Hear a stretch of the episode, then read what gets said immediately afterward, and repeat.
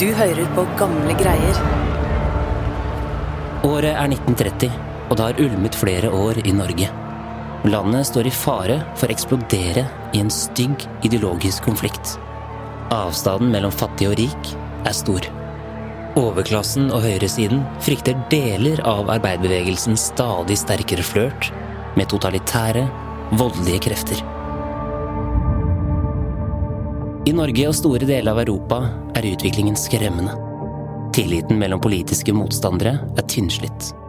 Økonomisk krise og arbeidsledighet herjer, og desperasjonen vokser hos dem som er nederst på samfunnets rangstige. Og en nordmann, Magnus Hakim, en glødende kommunist, mener vold er et rettferdig virkemiddel for et bedre samfunn. Vi må skrike vårt hat og vår hevn ut. Vi må sammen, alle som én, samles som én tanke. Klasse mot klasse. Vi må bruke pisken. Voldspisken. Og vi må bruke den med kraft. La det kommende år bli et kampens år. Ikke i ord og resolusjoner, men i handlinger. En vinterkveld i 1930 leder Magnus et demonstrasjonstog med rasende arbeidere mot kommunehuset på Lørenskog. Lokaldemokratiet står i fare for å rakne når folkemengden eksploderer i sinne. Og kvelden ser ut til ende i et dramatisk opprør.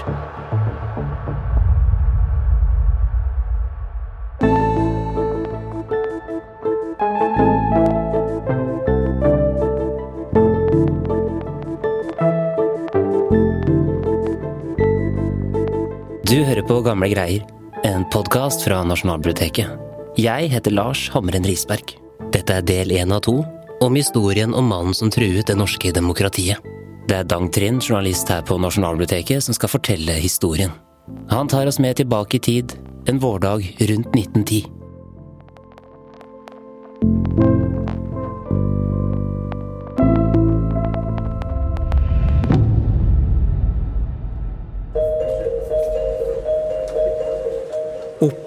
andre etasje på en kafé på Jernbanetorget i Kristiania satt den nykonfirmerte Magnus Hakkim fra Nittedal med en kopp i hånden og stirret ut på det hektiske bylivet. Gutten kom fra enkle husmannskår og hadde flyttet fra Hakkadalen til hovedstaden for å søke et annet liv. Magnus ville gjøre noe annet enn å jobbe som skogsarbeider for den rike godseieren hjemme. Her i Kristiania kunne Magnus skape sin egen framtid.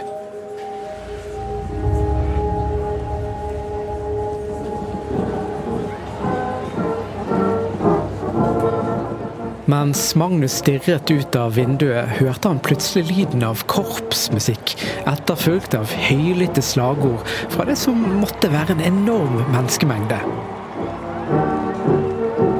Snart dukket det opp et stort folketog som tok over gatene med røde flagg som vaiet høyt i vinden. Var det allerede 17. mai, lurte Magnus. Et så stort folketog hadde han knapt sett tidligere. Det måtte jo være nasjonaldagen, som han utrolig nok hadde klart å glemme.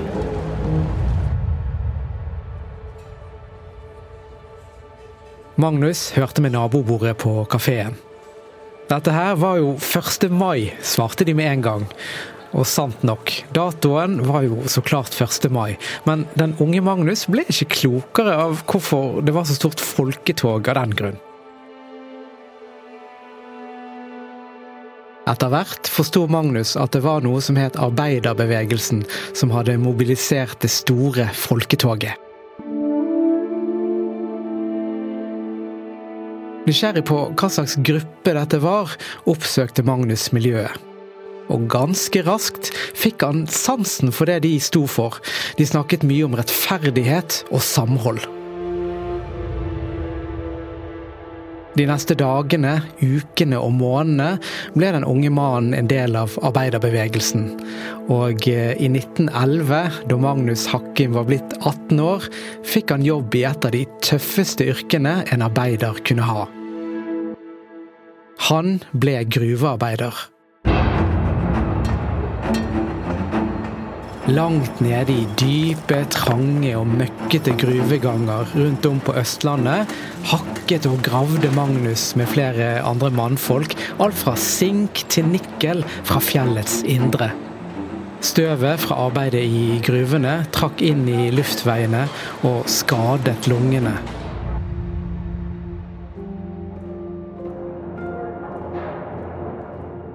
I en del jobber var det ikke uvanlig at arbeidsdagen varte opp mot ti timer, seks dager i uken.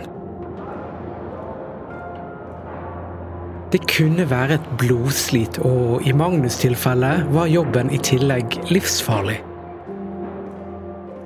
Blodslitet på jobben og de farlige forholdene gjorde det krystallklart for Magnus at det var viktig at arbeiderbevegelsen og resten av venstresiden måtte vinne fram kravet om at arbeidere måtte beskyttes og slitet begrenses.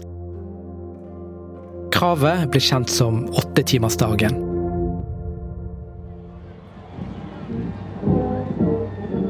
Kort tid hadde Magnus nå gått fra å være en forbauset tilskuer av et 1. mai-tog, til å delta aktivt og synge internasjonal, rope slagord med beinharde krav til staten og de private. For mange i arbeiderklassen var 1. mai en mye viktigere dag enn 17. mai, selveste nasjonaldagen. Magnus og hans kamerater mente det bare var en oppblåst festdag for landets borgerskap.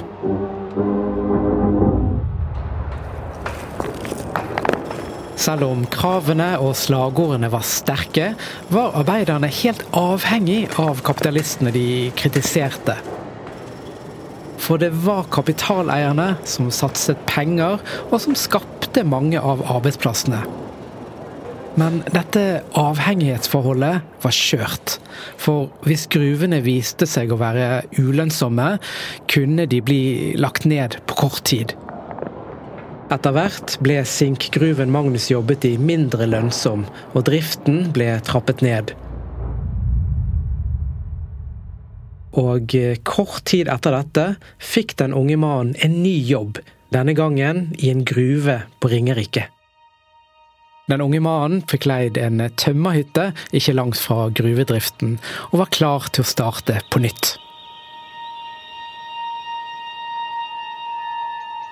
Framtiden så lys ut for Magnus. Han tjente sine egne penger, og hadde klart å skape et nytt liv utenfor hjembygden. En annen grunn til at Magnus lyktes, var at han i motsetning til mange andre arbeidere sparte på lønnen istedenfor å bruke opp alt. Og pengene brukte han til å kjøpe seg noe helt spesielt, noe få arbeidere tok seg råd til. En grammofon. Etter en slitsom arbeidsuke kunne Magnus invitere venner og venners bekjente til tømmerhytten, hvor han spilte ulike plater på grammofonen. Det dannet seg et ungdomsmiljø i tømmerstuen, hvor den lystige musikken laget feststemning. Magnus var blitt en slags nattelivskonge på Ringerike.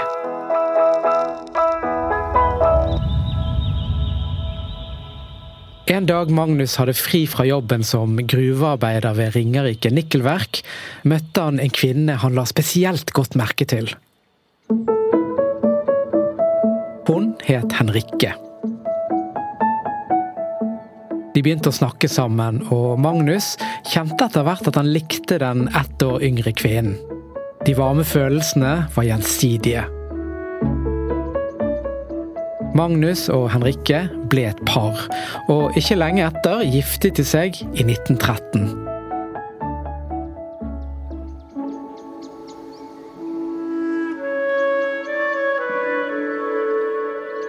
Omtrent et halvt år senere fikk paret sitt første barn. En datter. Livet smilte for den lille familien.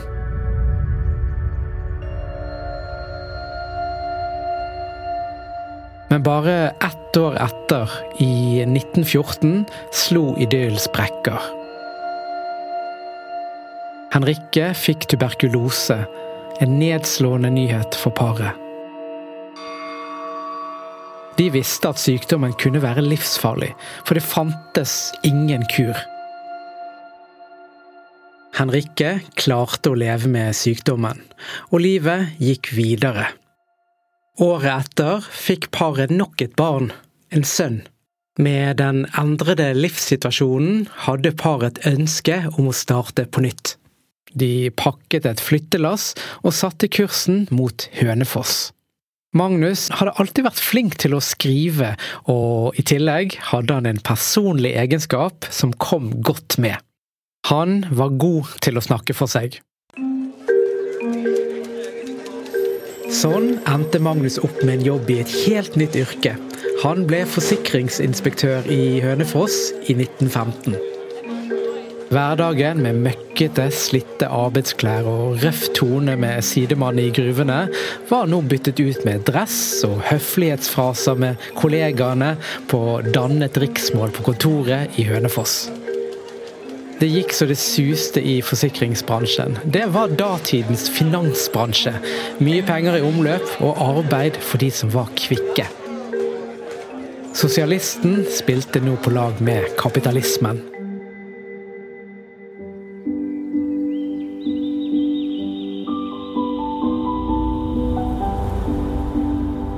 Månedene og årene raste av gårde, og livet gikk sin gang for den lille familien på Hønefoss.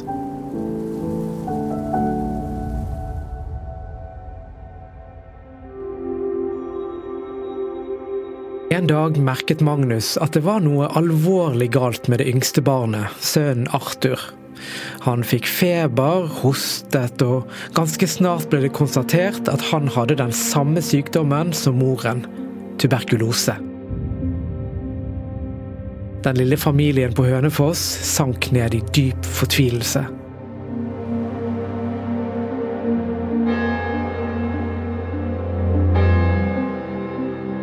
Sommeren 1918 døde tre år gamle Arthur.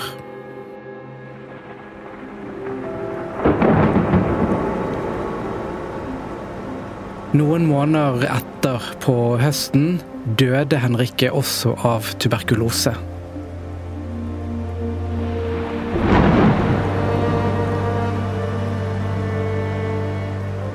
Nå var Magnus 26 år og hadde kun datteren Edith igjen. I tillegg hadde han fått den samme sykdommen.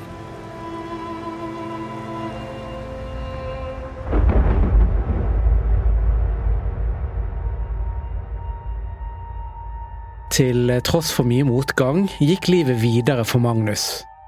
Og han klarte å leve med sykdommen. Og nesten ett år etterpå møtte han en ny kvinne. Hun het Martha og var alenemor med ett barn. Med ny kjærlighet i livet bestemte paret seg for å starte med blanke ark. De fant ut at de skulle forlate Hønefoss og flytte sørover til Lier. Der fikk de senere et barn, og den nye karrieren i forsikringsbransjen kunne Magnus fortsette med på det nye hjemstedet.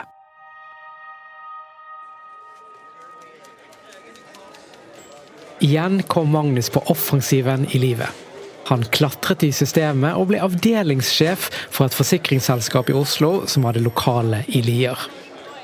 Bransjen hadde vært i stor vekst under første verdenskrig. Folk fryktet krigens ødeleggelser og sykdommer som spanskesyken og tuberkulose. Mange betalte godt for å bli forsikret. Året var nå 1920.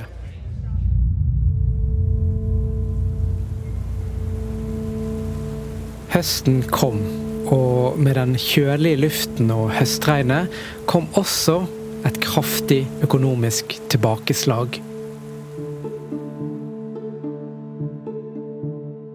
I 1921 stoppet verdenshandel nærmest opp. Næringslivet i Norge brøt omtrent sammen. I avisene kunne Magnus lese at prisene falt, og etterspørsel på alt fra varer til boliger sank som en stein. Bedrifter gikk konkurs, og arbeidsledigheten steg i taket. Fabrikker stengte, folk mistet jobben. Hver fjerde fagorganiserte ble arbeidsløs. Bedriftseiere krevde lønnsreduksjon for å få opp lønnsomheten. Og rasende arbeidsfolk svarte med omfattende streiker. De som en gang kunne vært kunder og kjøpt forsikring hos Magnus, sto nå uten jobb. Og så ble det Magnus' egen tur. Avdelingssjefen mistet jobben.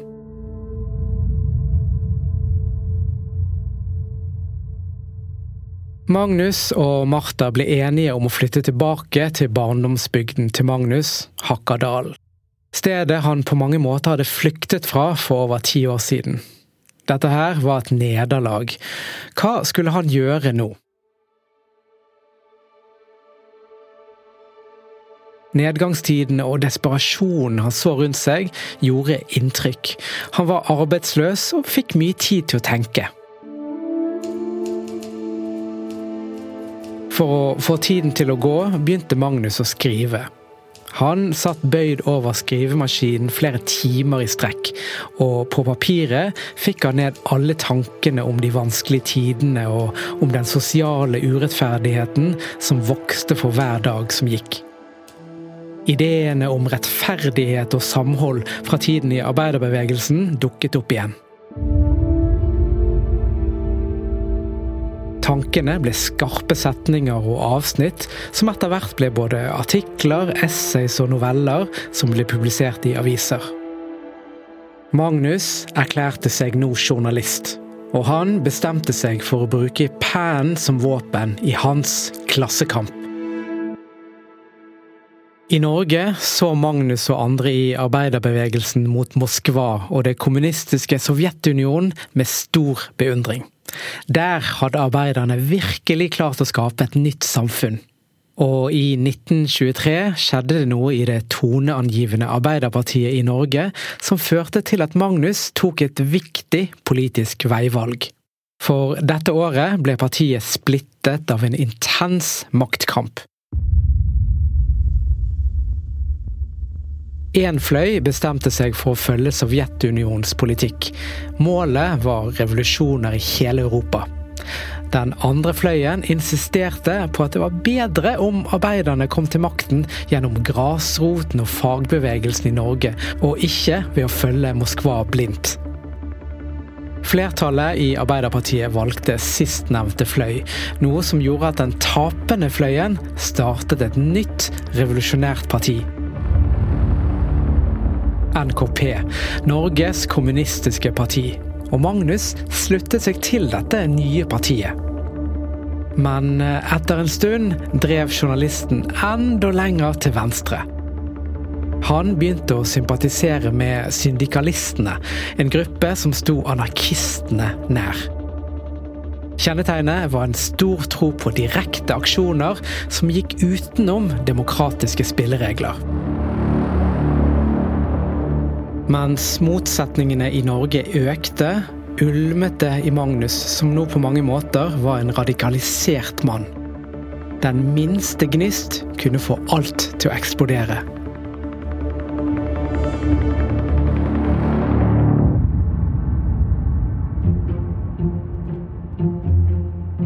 I 1926, da Magnus var 32 år gammel, fikk han et jobbtilbud. Det kom fra en nyoppstartet avis. Magnus takket ja, og tok med seg familien til bygdesamfunnet Lørenskog øst for Oslo. I Lørenskog styrte Arbeiderpartiet, og i løpet av 1920-årene hadde dette blitt eh, en slags utstillingskommune for partiet. Som en av få bygdekommuner hadde de klart å etablere gode velferdsordninger, pleiehjem for arbeidsuføre, kommunal pensjonsordning og gratis skoleverktøy. Dette hadde Arbeiderpartiet fått til via demokratiske valg i kommunen, og var dermed et eksempel på at sosialisme kunne bli til gjennom demokratiske og fredelige reformer. Ikke noe våpen, ingen revolusjon eller anarki. Dette her likte ikke mange av de lengst på venstresiden, inkludert en del innad i Arbeiderpartiet. Mange mente nemlig direkte handling og noen ganger vold kunne forsvares når målet var å styrte det kapitalistiske systemet. Magnus trivdes i Lørenskog kommune, men jobben gikk det verre med. Det var fortsatt nedgangstider, og i 1927 ble avisen lagt ned. Og igjen mistet Magnus levebrødet.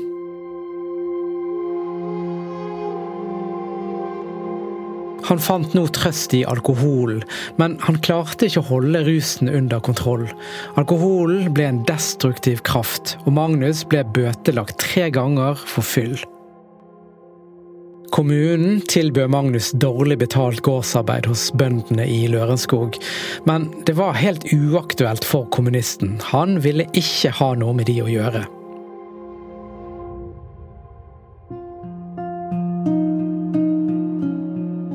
Livet som arbeidsløs i Lørenskog var sørgelig for Magnus, som prøvde å leve av journalistikken og skrev flere politiske tekster i avisene. Som mange andre uten jobb i arbeiderbevegelsen ble han nå enda mer radikalisert.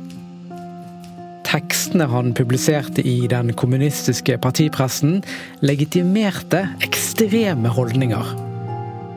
Vi må la den herskende klasse få se og føle at vi er en hær på marsj mot revolusjonen. Vi må ikke legge skjul på at vi akter å storme kapitalismens bunnråtne samfunn. La dem kalle oss horden, banditter og røvere. Det gjør ingenting. Og snart skulle Magnus få sjansen til å gjøre alvor av truslene. Det ble desember 1929. Kulden og en bitende frost la seg over bygden, og julen nærmet seg. Men det så ikke ut til å bli en idyllisk og fredelig jul i Lørenskog. Arbeidsledigheten hadde steget, og kommunens velferdsbudsjetter var sprengt. Mange år med høyt offentlig forbruk og gode velferdstilbud hadde skapt en presset økonomi og høy gjeld. Arbeiderpartiets utstillingsvindu hadde slått sprekker. Nå måtte kommunen gjøre tøffe prioriteringer. Skattene økte til bristepunktet av det man hadde myndighet til i et forsøk på å betjene lånene. Dermed ble det mindre penger til de fattige. Dette provoserte mange av de arbeidsløse, særlig kommunistene og den radikale Magnus Hakkim. Da han hørte at kommunen som ble styrt av Arbeiderpartiet, hadde prioritert å betale ned gjeld framfor å gi akutt pengehjelp til de fattige, ble han rasende. Dette var jo å legge seg flat for kapitalismens tyranni. Og han forsto at tiden var kommet for å handle. Han pønsket ut en plan, og like etter satte han den ut i livet. Magnus begynte å reise rundt i kommunen og snakket med de fattige og arbeidsløse på folkemøter. Engasjert og med fektende armer la han fram hvordan kapitalistene hadde rigget samfunnet. Og kommunestyret i bygden knelte for dette systemet. Budskapet traff lørenskoginger som knapt hadde penger til mat på bordet, og som bodde i trekkfulle og trange boliger. Akkurat som den gang han var avdelingssjef i forsikringsbransjen, overbeviste selgeren Magnus mange. Budskapet hans var at de sammen måtte slå gjennom i kommunestyret at folk trengte pengestøtte umiddelbart. Og så kom Magnus med et løfte.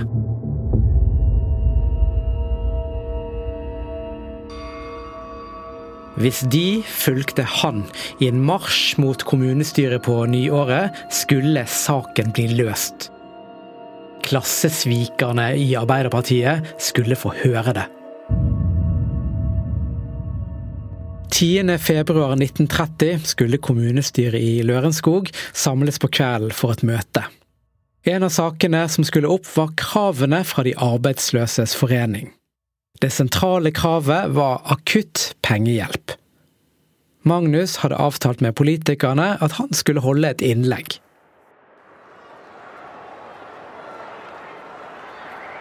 I snølandskapet i bygden hadde godt over 100 mennesker møtt opp. Snart skar lyden av støvler som stampet gjennom snøen. Folkemengden fulgte Magnus i marsjen mot maktens sentrum. Målet var gamle Fjellhamar gårds ærverdige hovedbygning, hvor kommunestyret allerede var i gang.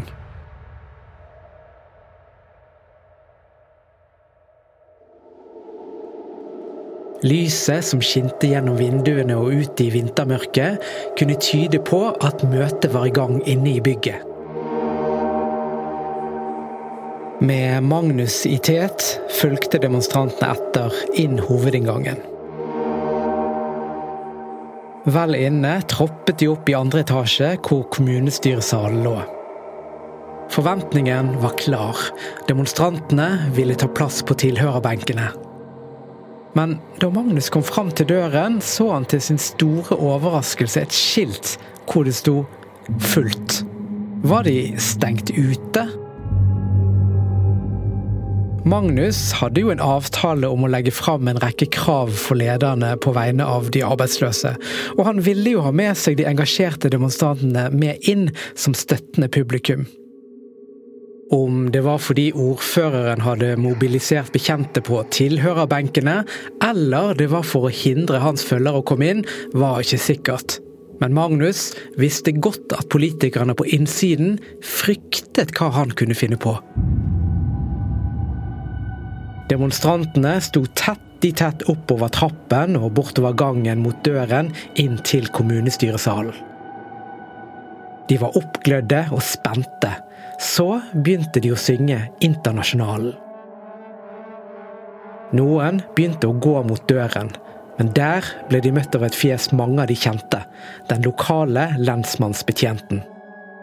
Han ga klar beskjed om at det var fullt på tilhørerplassene i salen. Demonstrantene kunne bare pakke sammen og stikke. Folk ristet på hodet og var oppgitt. Det begynte å bli ampert. Magnus presset seg fram og snakket med lensmannsbetjenten. Han forklarte at han skulle legge fram de arbeidsløse sak for ledelsen i kommunen, og understreket at han tross alt hadde en avtale. Etter en stund ble forslaget godtatt.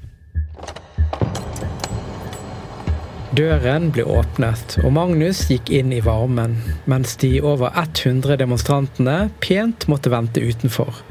De så forhåpningsfullt mot han.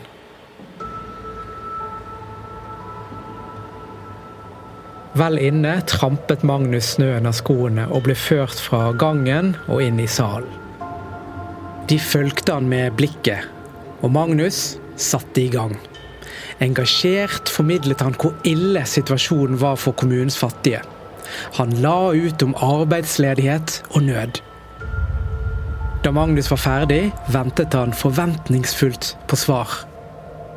Men da det kom, var det nok som en kald dusj for Magnus. For de demokratiske spillereglene måtte følges. Ledelsen kunne ikke gi et kjapt ja eller nei. Nå skulle kommunestyret diskutere saken, og deretter avgi stemmer. Dette var ikke et system for de utålmodige. Sånn fungerte lokaldemokratiet. Magnus og støttespillerne måtte altså smøre seg med tålmodighet. Det ble mer venting. Og så kom sannhetens øyeblikk. Skulle kommunens fattige få akutt pengehjelp? Kommunestyret hadde diskutert saken, og de hadde avgitt stemmer. Ordføreren så på Magnus og kom med svaret. Flertallet av de folkevalgte hadde stemt for å utsette behandling av saken.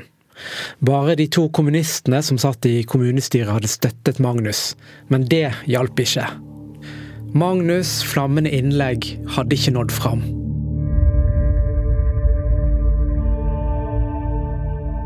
Avslaget fra politikerne gjorde at Magnus visste at han måtte gå ut til folkemengden og skuffe dem. Det ville sette han i et dårlig lys. Han hadde tross alt gitt dem et løfte. Magnus så ut i salen og sa tydelig ifra. Jeg skal bringe ordførerens svar til de arbeidsløse, men jeg tror ikke det nytter. Jeg kjenner de arbeidsløses forbitrelse, tror ikke det blir behandlet annet enn denne sak her i kveld. Ordføreren reagerte med forskrekkelse. Skal dette være en trussel? spurte han. De får ta det som de vil. Og med denne sterkt ladede setningen hengende i luften, snudde Magnus og gikk ut av salen. Ute i gangen så Magnus utover folkemengden og fortalte at kommunen hadde vedtatt å utsette behandlingen av saken om økonomisk nødhjelp. Den nedslående beskjeden slo ned som en bombe.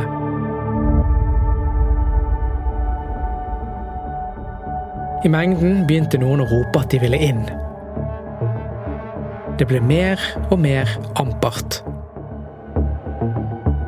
Magnus så at det var i ferd med å koke over for folkemengden. Men han gjorde ikke noe for å roe de ned.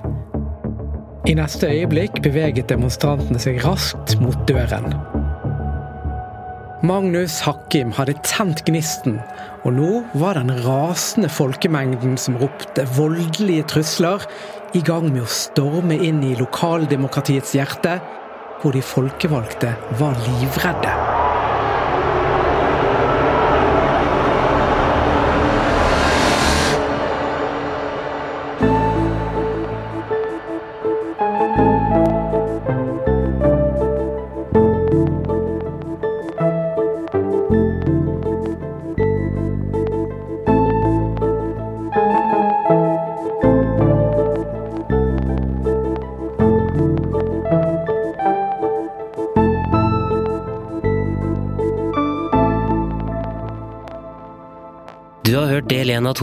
Om historien om mannen som truet det norske demokratiet.